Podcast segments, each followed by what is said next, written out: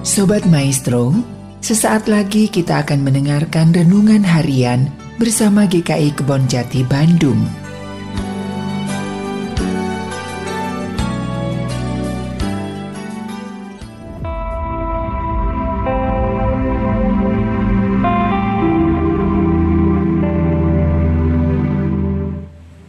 Shalom, bertemu kembali dengan saya Daud Solihin dari GKI Kebon Jati dan tema renungan harian saat ini adalah Fear Not atau Jangan Takut.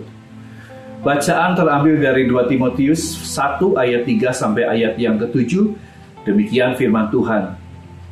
Aku mengucap syukur kepada Allah yang kulayani dengan hati nurani yang murni seperti yang dilakukan nenek moyangku dan selalu aku mengingat engkau dalam permohonanku, baik siang maupun malam.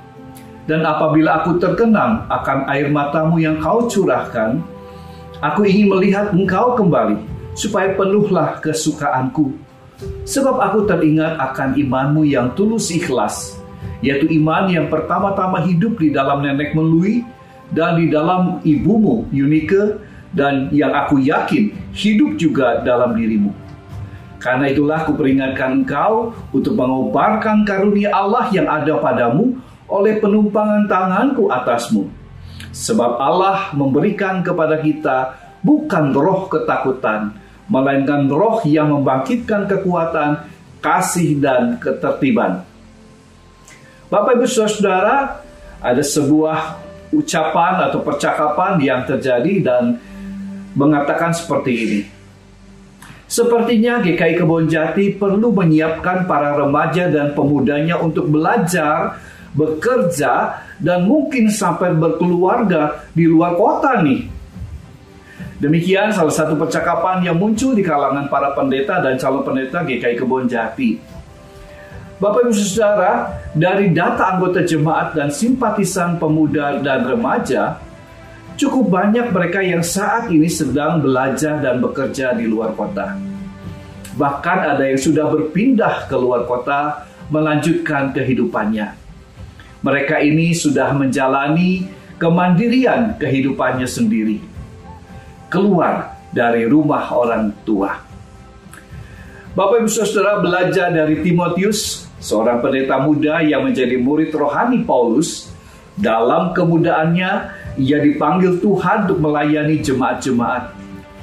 Paulus tentu dengan bersyukur kepada Allah meyakini bahwa Timotius mampu untuk mengembalakan umat Tuhan yang dilayaninya.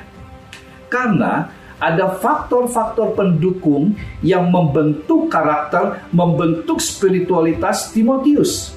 Itu faktor keteladanan iman dari ibu dan nenek Timotius mereka adalah pengajar dan yang juga menjadi teladan iman bagi Timotius yang dihidupinya dalam pikiran, perkataan, dan perbuatan Timotius.